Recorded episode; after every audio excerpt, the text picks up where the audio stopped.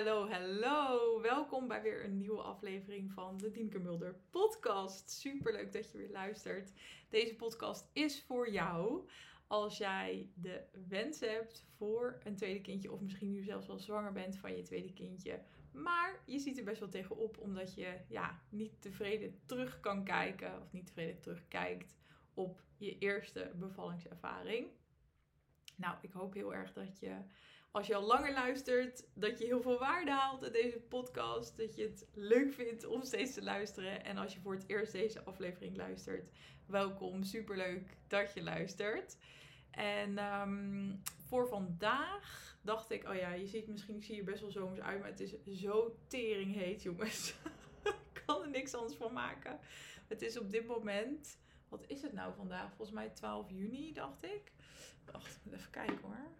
Nee, het is helemaal geen 12 juni. Het is 14 juni. Oké, het is nu 14 juni. Het is woensdag. En het is inmiddels al. Even denken hoor. Volgens mij echt al vier weken warm in Nederland. Drie of vier weken. Ja, wel zoiets. Echt lang. En uh, ja, ik ga er niet zo heel lekker op. Ik ben inmiddels wel aan gewend. Merk ik aan de warmte ben benieuwd of jij dat ook hebt. Dat je dan toch die eerste week denk je ah, het is alleen maar warm. En het is toch grappig dat je er iets meer aan gewend raakt. Maar het is niet, uh, niet mijn favoriet. Dat mag je eigenlijk niet zeggen, maar ik zeg het wel. Dit is echt niet mijn favoriete weer. ik kan echt niet wachten tot het gewoon weer gaat regenen en iets is afkoelt. Dus vandaar, als je deze, video, als je deze podcast of video kijkt, ik zit er dus een beetje zomers bij. Uh, want het is gewoon echt heel erg warm. Ehm, maar dat terzijde. Het is inmiddels woensdag.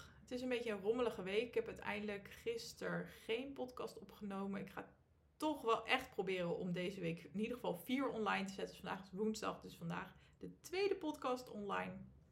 Uh, dus dan uh, donderdag en vrijdag is mijn doel ook nog om uh, online te zetten. Want ik heb nog best wel wat onderwerpen op mijn lijstje staan. Waar, waar ik heel graag podcastafleveringen over wil maken. En voor vandaag dacht ik. Uh, ik ga weer eens een hele persoonlijke podcastaflevering maken. Wat gaat over een proces waar ik momenteel middenin zit. Nog steeds. Maar ook al doorheen ben gegaan, als het ware. Dat klinkt natuurlijk super vaag, maar ik ga je zo vertellen waar het over gaat.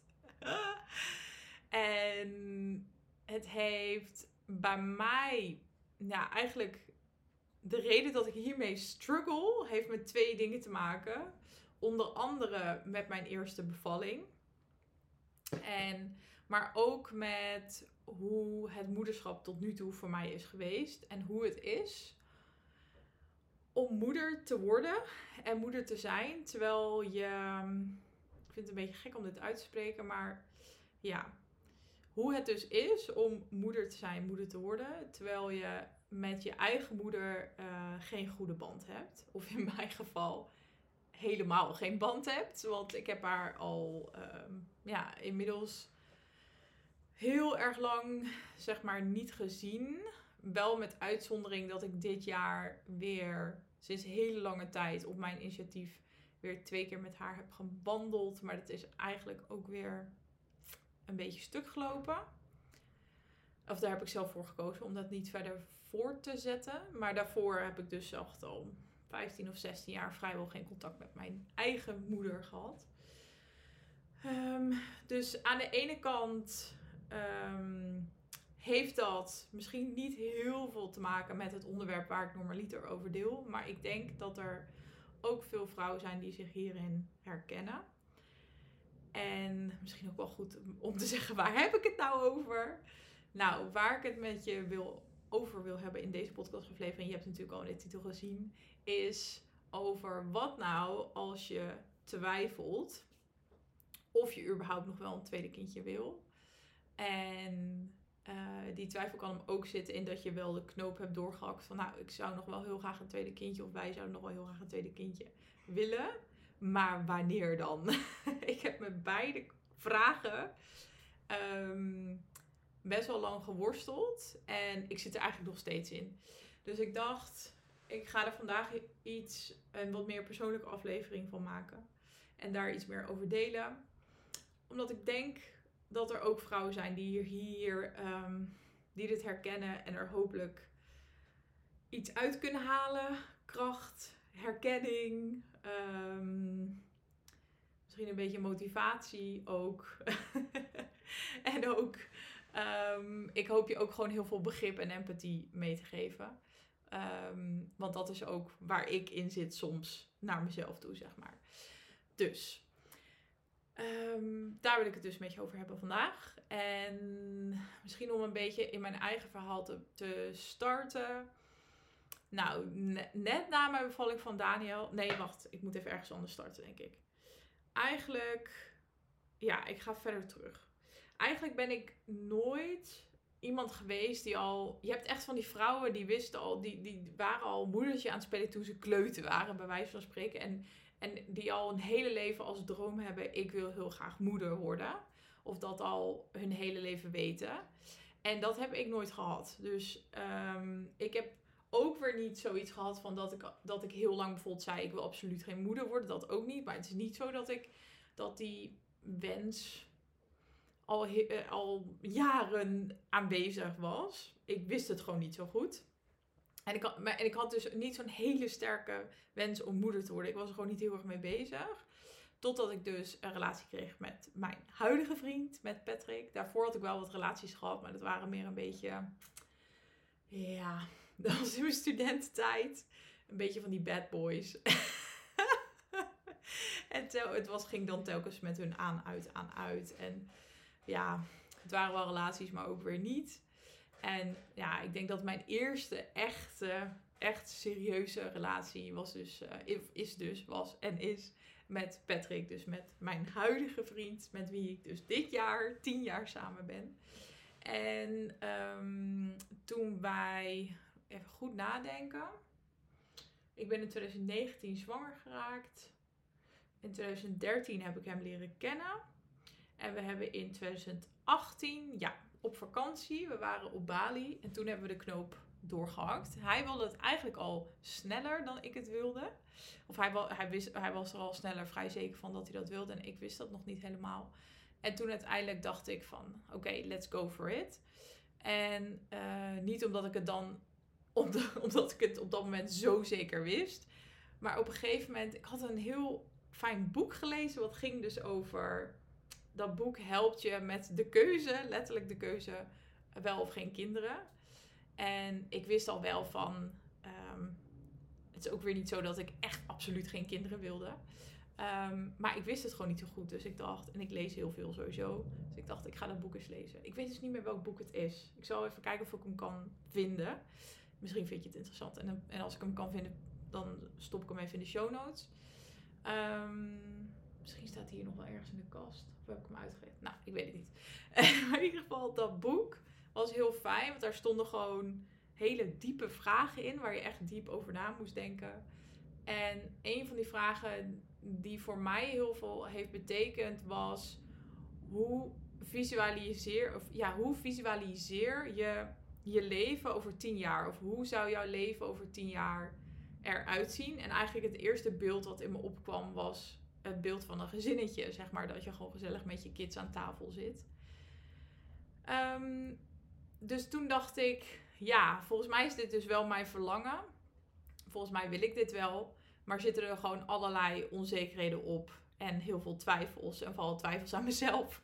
Als uh, aan mijn eigen capaciteiten in het moederschap, zeg maar. Maar ja, ik dacht wel van.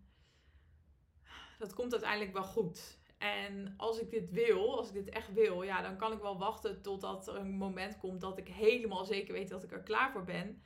Maar eerlijk gezegd geloof ik niet zo dat dat moment ooit gaat komen. Misschien heb jij dat wel gehad. Good for you. Maar ik geloofde daar gewoon niet zo in. Ik dacht echt, en ik ken mezelf.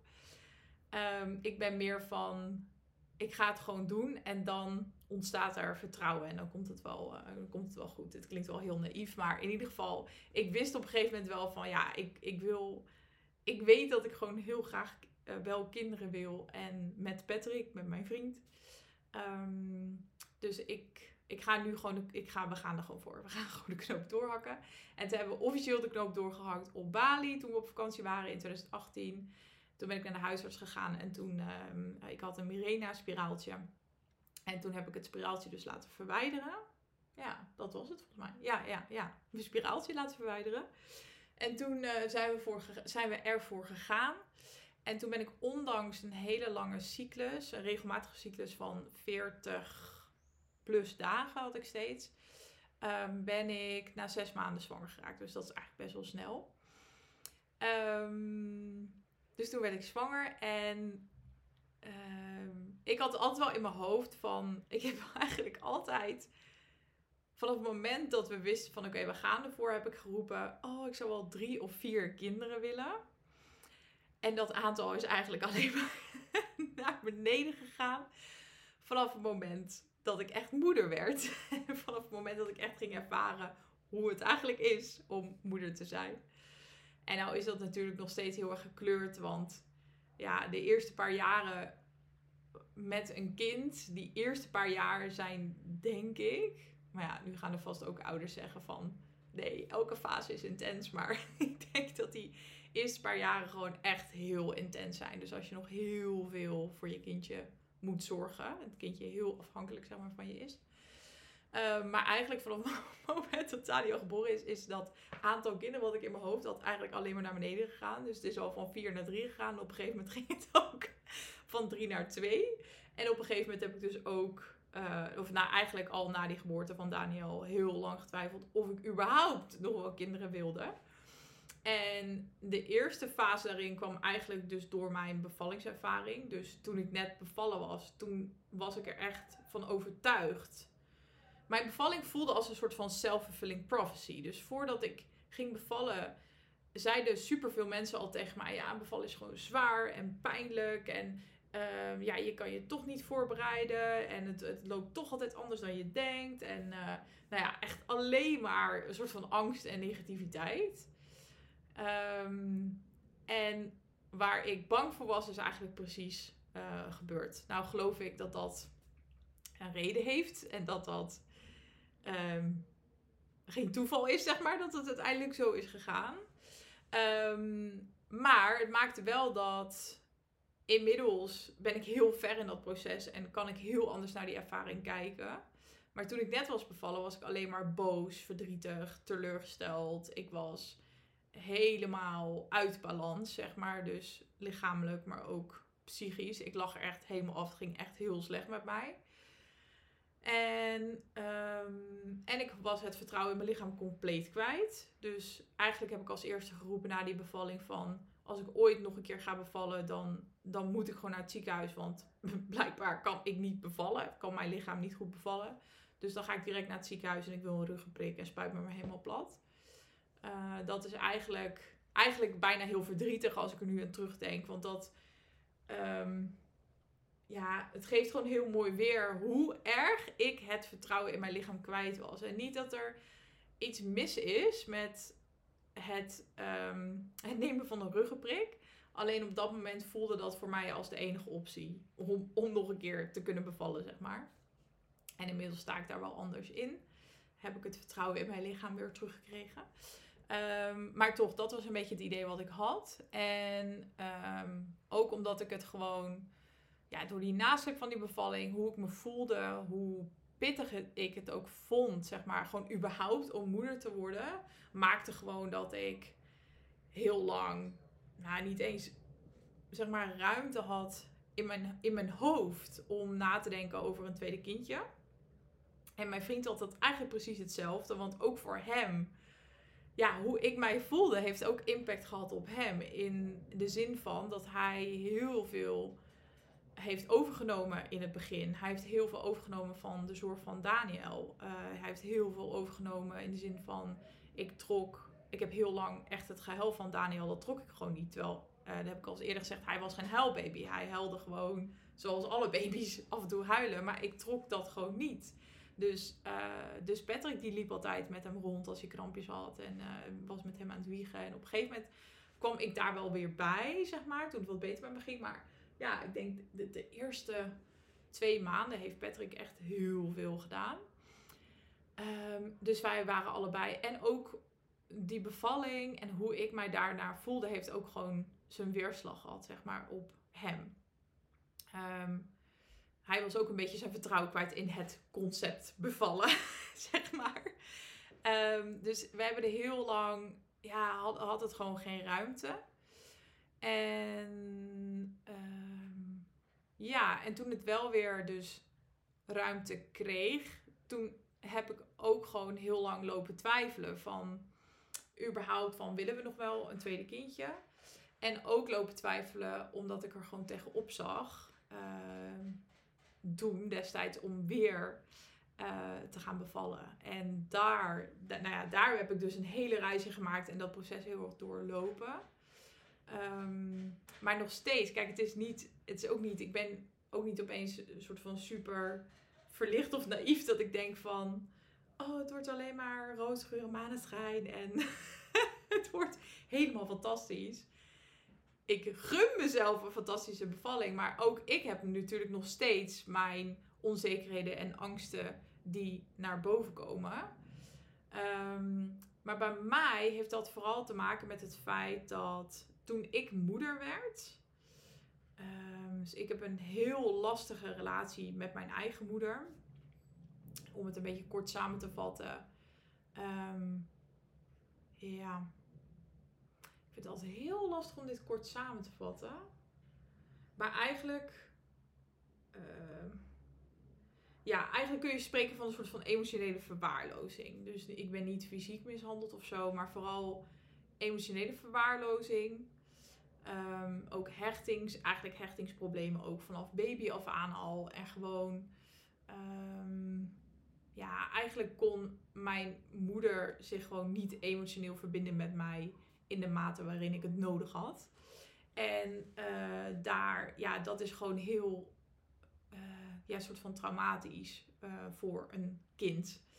Die wel heel erg die emotionele behoeftes heeft van zijn of haar moeder, zeg maar. Um, om er niet te veel heel lang verhaal van te maken. En daar heb ik ook wel hulp voor gekregen. Uh, dus voordat ik ging bevallen had ik al, heb ik al regelmatig als eerder in mijn leven uh, ja, therapeuten, psychologen bezocht. Maar ik dacht eigenlijk, bin there dan that. Ik heb dit wel opgelost voordat ik ging bevallen. dacht ik echt. Ik wist wel dat het een rol speelde, maar ik dacht ook van, nou, ik ben nu, ik heb nu al zo vaak uh, hulp hiervoor gehad. Nu is het wel klaar. Maar eigenlijk wat er gebeurde is dat, um, ja, toen ik was bevallen, dus door die ervaring ging er van alles open wat ik eigenlijk had weggestopt. En ook door zelf moeder te worden, werd er van alles geactiveerd en werd er van alles getriggerd. Wat er bijvoorbeeld gebeurde, om even een voorbeeld te noemen, is dat ik um, de dingen die ik in mijn moeder heel sterk afwees, um, wees ik ook in mezelf af. Maar dat is natuurlijk heel moeilijk als je constant een soort van kritische stem in je hebt die zegt van jeetje wat ben je een slechte moeder, jeetje wat, nou zo lijkt je echt op je eigen moeder. Zie je wel, je bent net als haar. Dus dat stemmetje zat eigenlijk constant in mijn hoofd. En, um, en in het begin was dat echt heel heftig, constant aanwezig. Um, en daarnaast merk ik ook dat, um, en dat komt één keer in zoveel tijd weer naar boven, doordat ik ben opgegroeid eigenlijk in een voor mij onveilige situatie. Met onveilig bedoel ik dan niet zozeer dus dat ik fysiek werd geslagen of zo, maar met onveiligheid bedoel ik echt dat er. Uh, mijn moeder was heel onvoorspelbaar, dus ze kon eigenlijk niet. Ze, werd, ze was heel kritisch, ze werd snel boos. Um, um, mijn emoties uh, mochten er niet zijn, dus die werden heel snel een uh, soort van weggedrukt. Dus er werd gezegd: niet huilen, of je mag niet boos zijn, of je bent te veel. Of, um, dus dat is eigenlijk heel onveilig voor een kind. Dus het voelde constant onveilig. Zeg maar, mijn moeder was voor mij dus niet veilig. Uh, terwijl als kind heb je dat natuurlijk heel erg nodig. En wat er dan gebeurt, is dat je je daar vervolgens op gaat aanpassen. Um, dus je hele zenuwstelsel is constant bezig met scannen van in elke situatie waar je komt, is het hier veilig of onveilig? En als het onveilig is, of als er maar iets van schijn van een soort van onveiligheid is, um, dan gebeurt er een, of dan komt er een soort van, ik probeer het altijd een beetje duidelijk uit te leggen, maar dan komt er eigenlijk direct een soort van trauma-respons als het ware. En in mijn geval, wat er dan gebeurt, is dat ik in een, um, ja, een soort van freeze ga. Dus ik bevries uh, bijna letterlijk. Niet dat ik zeg maar zo als een standbeeld stilsta. Maar ik merk gewoon dat er.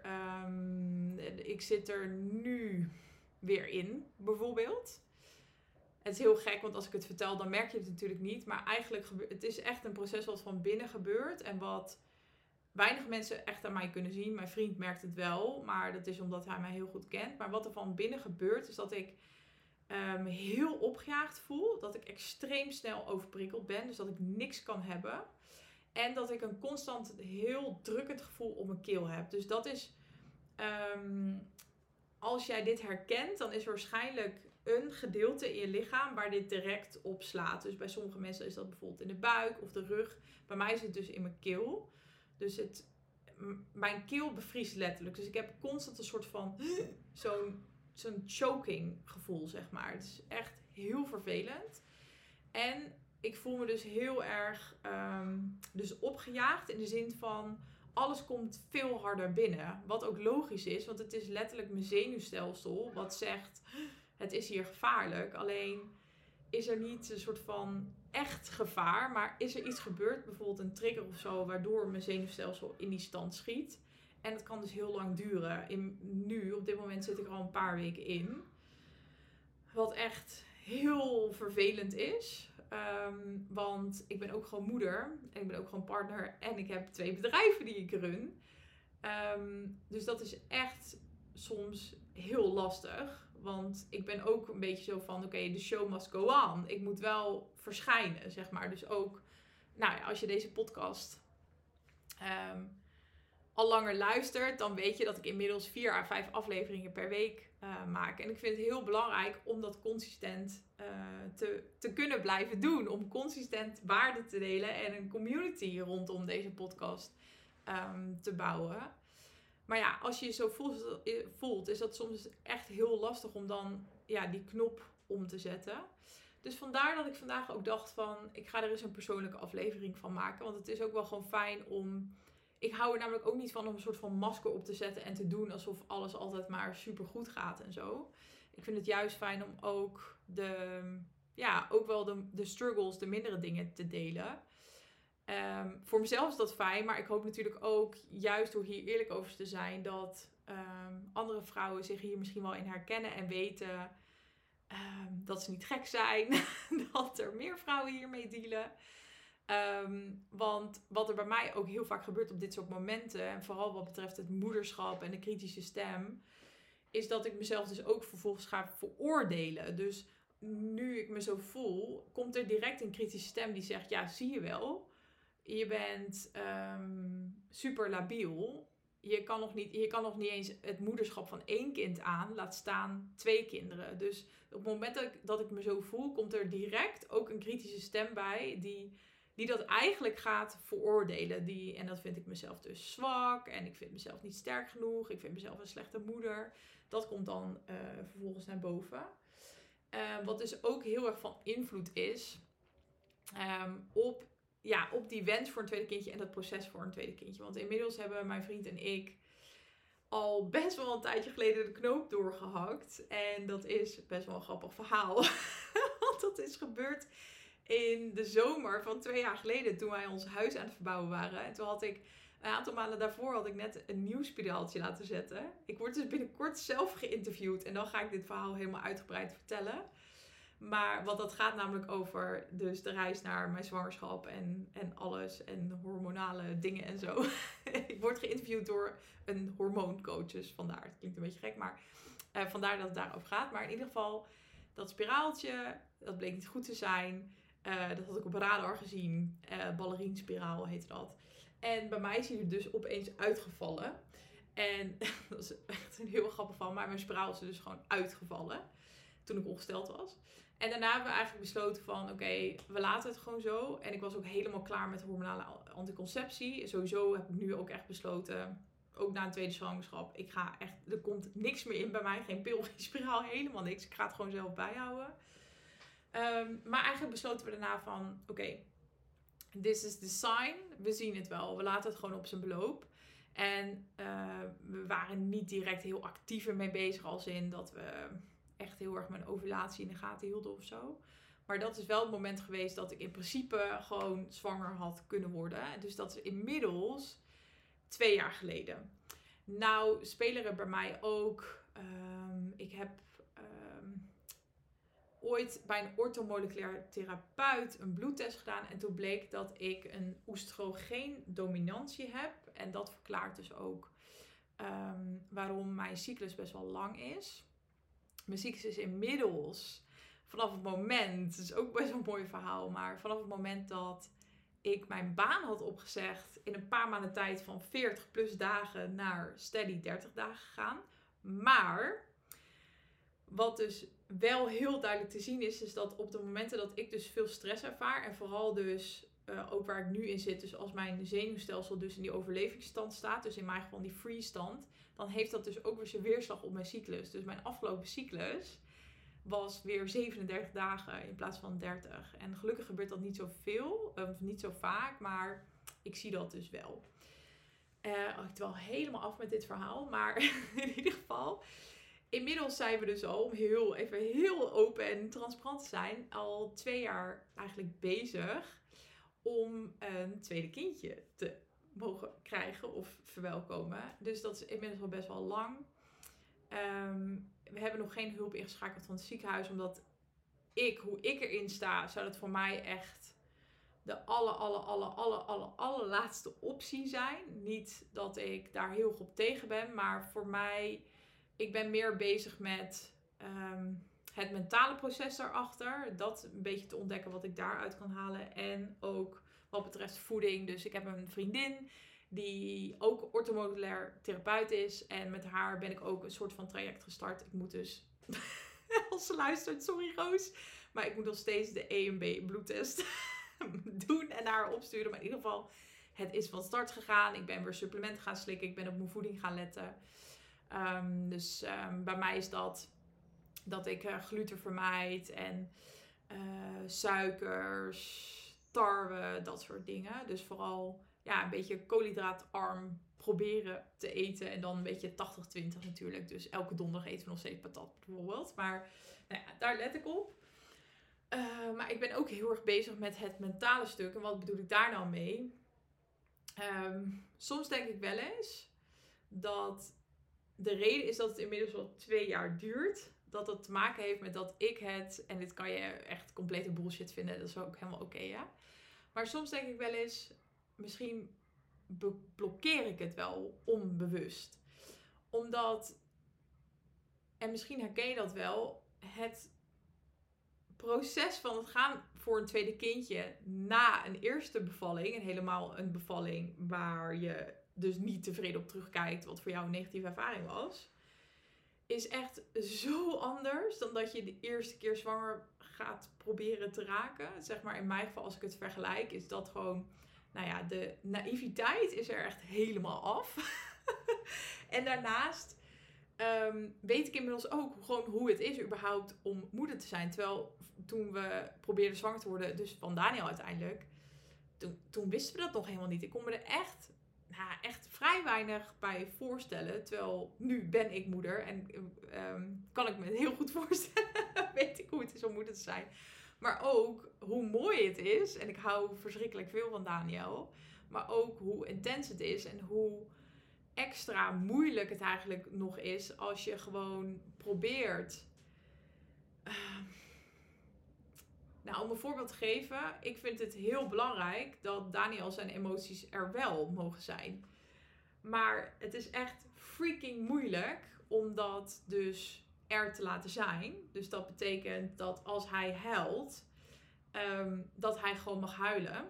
Terwijl in mijn hoofd denk ik echt, ah, dit trek ik niet, dit trek ik niet. Ik vind het heel heftig.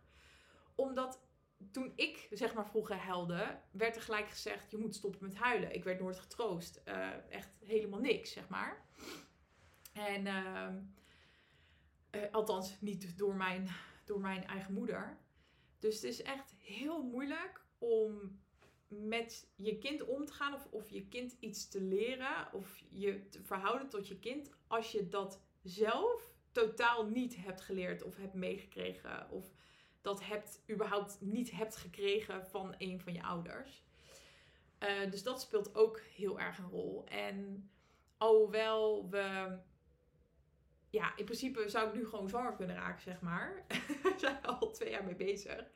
Maar ik heb het dus ook nog steeds periodes. En vooral dus als ik me gewoon emotioneel niet in balans voel, dat ik weer begin te twijfelen. Ik had het nog deze week. En dat ik dus echt weer begin te twijfelen van, ah, moeten we dit wel doen? Of moeten we het gewoon bijeenhouden? Of... En um, ik heb al getwijfeld of ik dit überhaupt ging uitspreken. Maar ik vind het toch belangrijk om het uit te spreken. Omdat ik denk dat we het heel moeilijk vinden om hierover te praten. Omdat het natuurlijk een heel belangrijke keuze is. Het, het, krijgen van een kind of niet. En het zou natuurlijk heel jammer zijn. Ja, als je er spijt van hebt. Nou, zijn dat denk ik, denk ik altijd. Nou, volgens mij komt het uiteindelijk wel weer goed.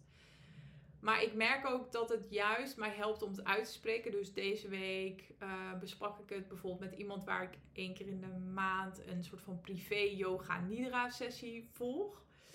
En uh, vooraf praten we dan altijd even wat er speelt en dat nemen we dan mee. Dat neem ik dan mee in die sessie. En ik was dus weer helemaal aan het twijfelen. En um, we het over mijn eigen moeder, de gesprekken die ik heb gehad. En gewoon dat ik daarmee worstel. En ook dus Ehm, met mijn moederschap. Dus dat er constant nog steeds een stemmetje in mijn hoofd aanwezig is die vindt dat ik, een, dat ik het niet goed doe, dat ik een slechte moeder ben en hoe ik daarmee om moet gaan. En toen op een gegeven moment was ik echt heel erg aan het huilen en zei ik, ja, ik weet ook gewoon niet of ik dit wel moet doen. of, ik, of moeten we het niet gewoon bij één kindje houden. En dat was wel interessant, want zij reageerde daar vervolgens op. En ze zei, maar het is toch goed dat je dat überhaupt in overweging neemt. Ik ken ook vrouwen die het uiteindelijk bij één kindje hebben gehouden. Maar toen ze dat zei, toen kwam er dus direct een gevoel in mij op van nee, nee, nee, nee, nee, zeg dit niet.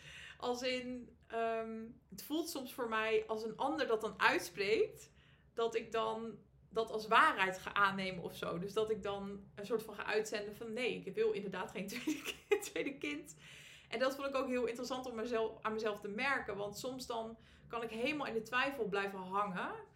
En zeg maar een paar dagen ik denk, ja, moet dan wel, niet, baan, niet, wel, niet, wel.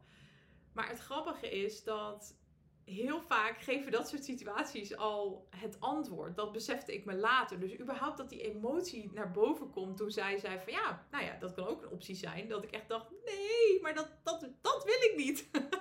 Als in, ik wil wel heel graag een tweede kindje. En toen dacht ik van ja, ik heb eigenlijk mijn antwoord al. En ik wil ook gewoon heel graag een tweede kindje. Alleen, ja, soms liggen gewoon al die struggles in mezelf, zeg maar, daarbovenop. Die blokkeren dat eigenlijk. Ehm, en natuurlijk heel lang eigenlijk de nasleep van die eerste bevalling. En nu is het vooral, wat er vooral op ligt, is gewoon de struggles die ik gewoon soms heb met mijn eigen moeder, met mijzelf, mijn rol als moeder, met überhaupt uh, dat ik af en toe dus in periodes zit waarin mijn hele zenuwstelsel in een free zit. En me dan vervolgens een super slechte moeder voel. Of een super instabiele moeder.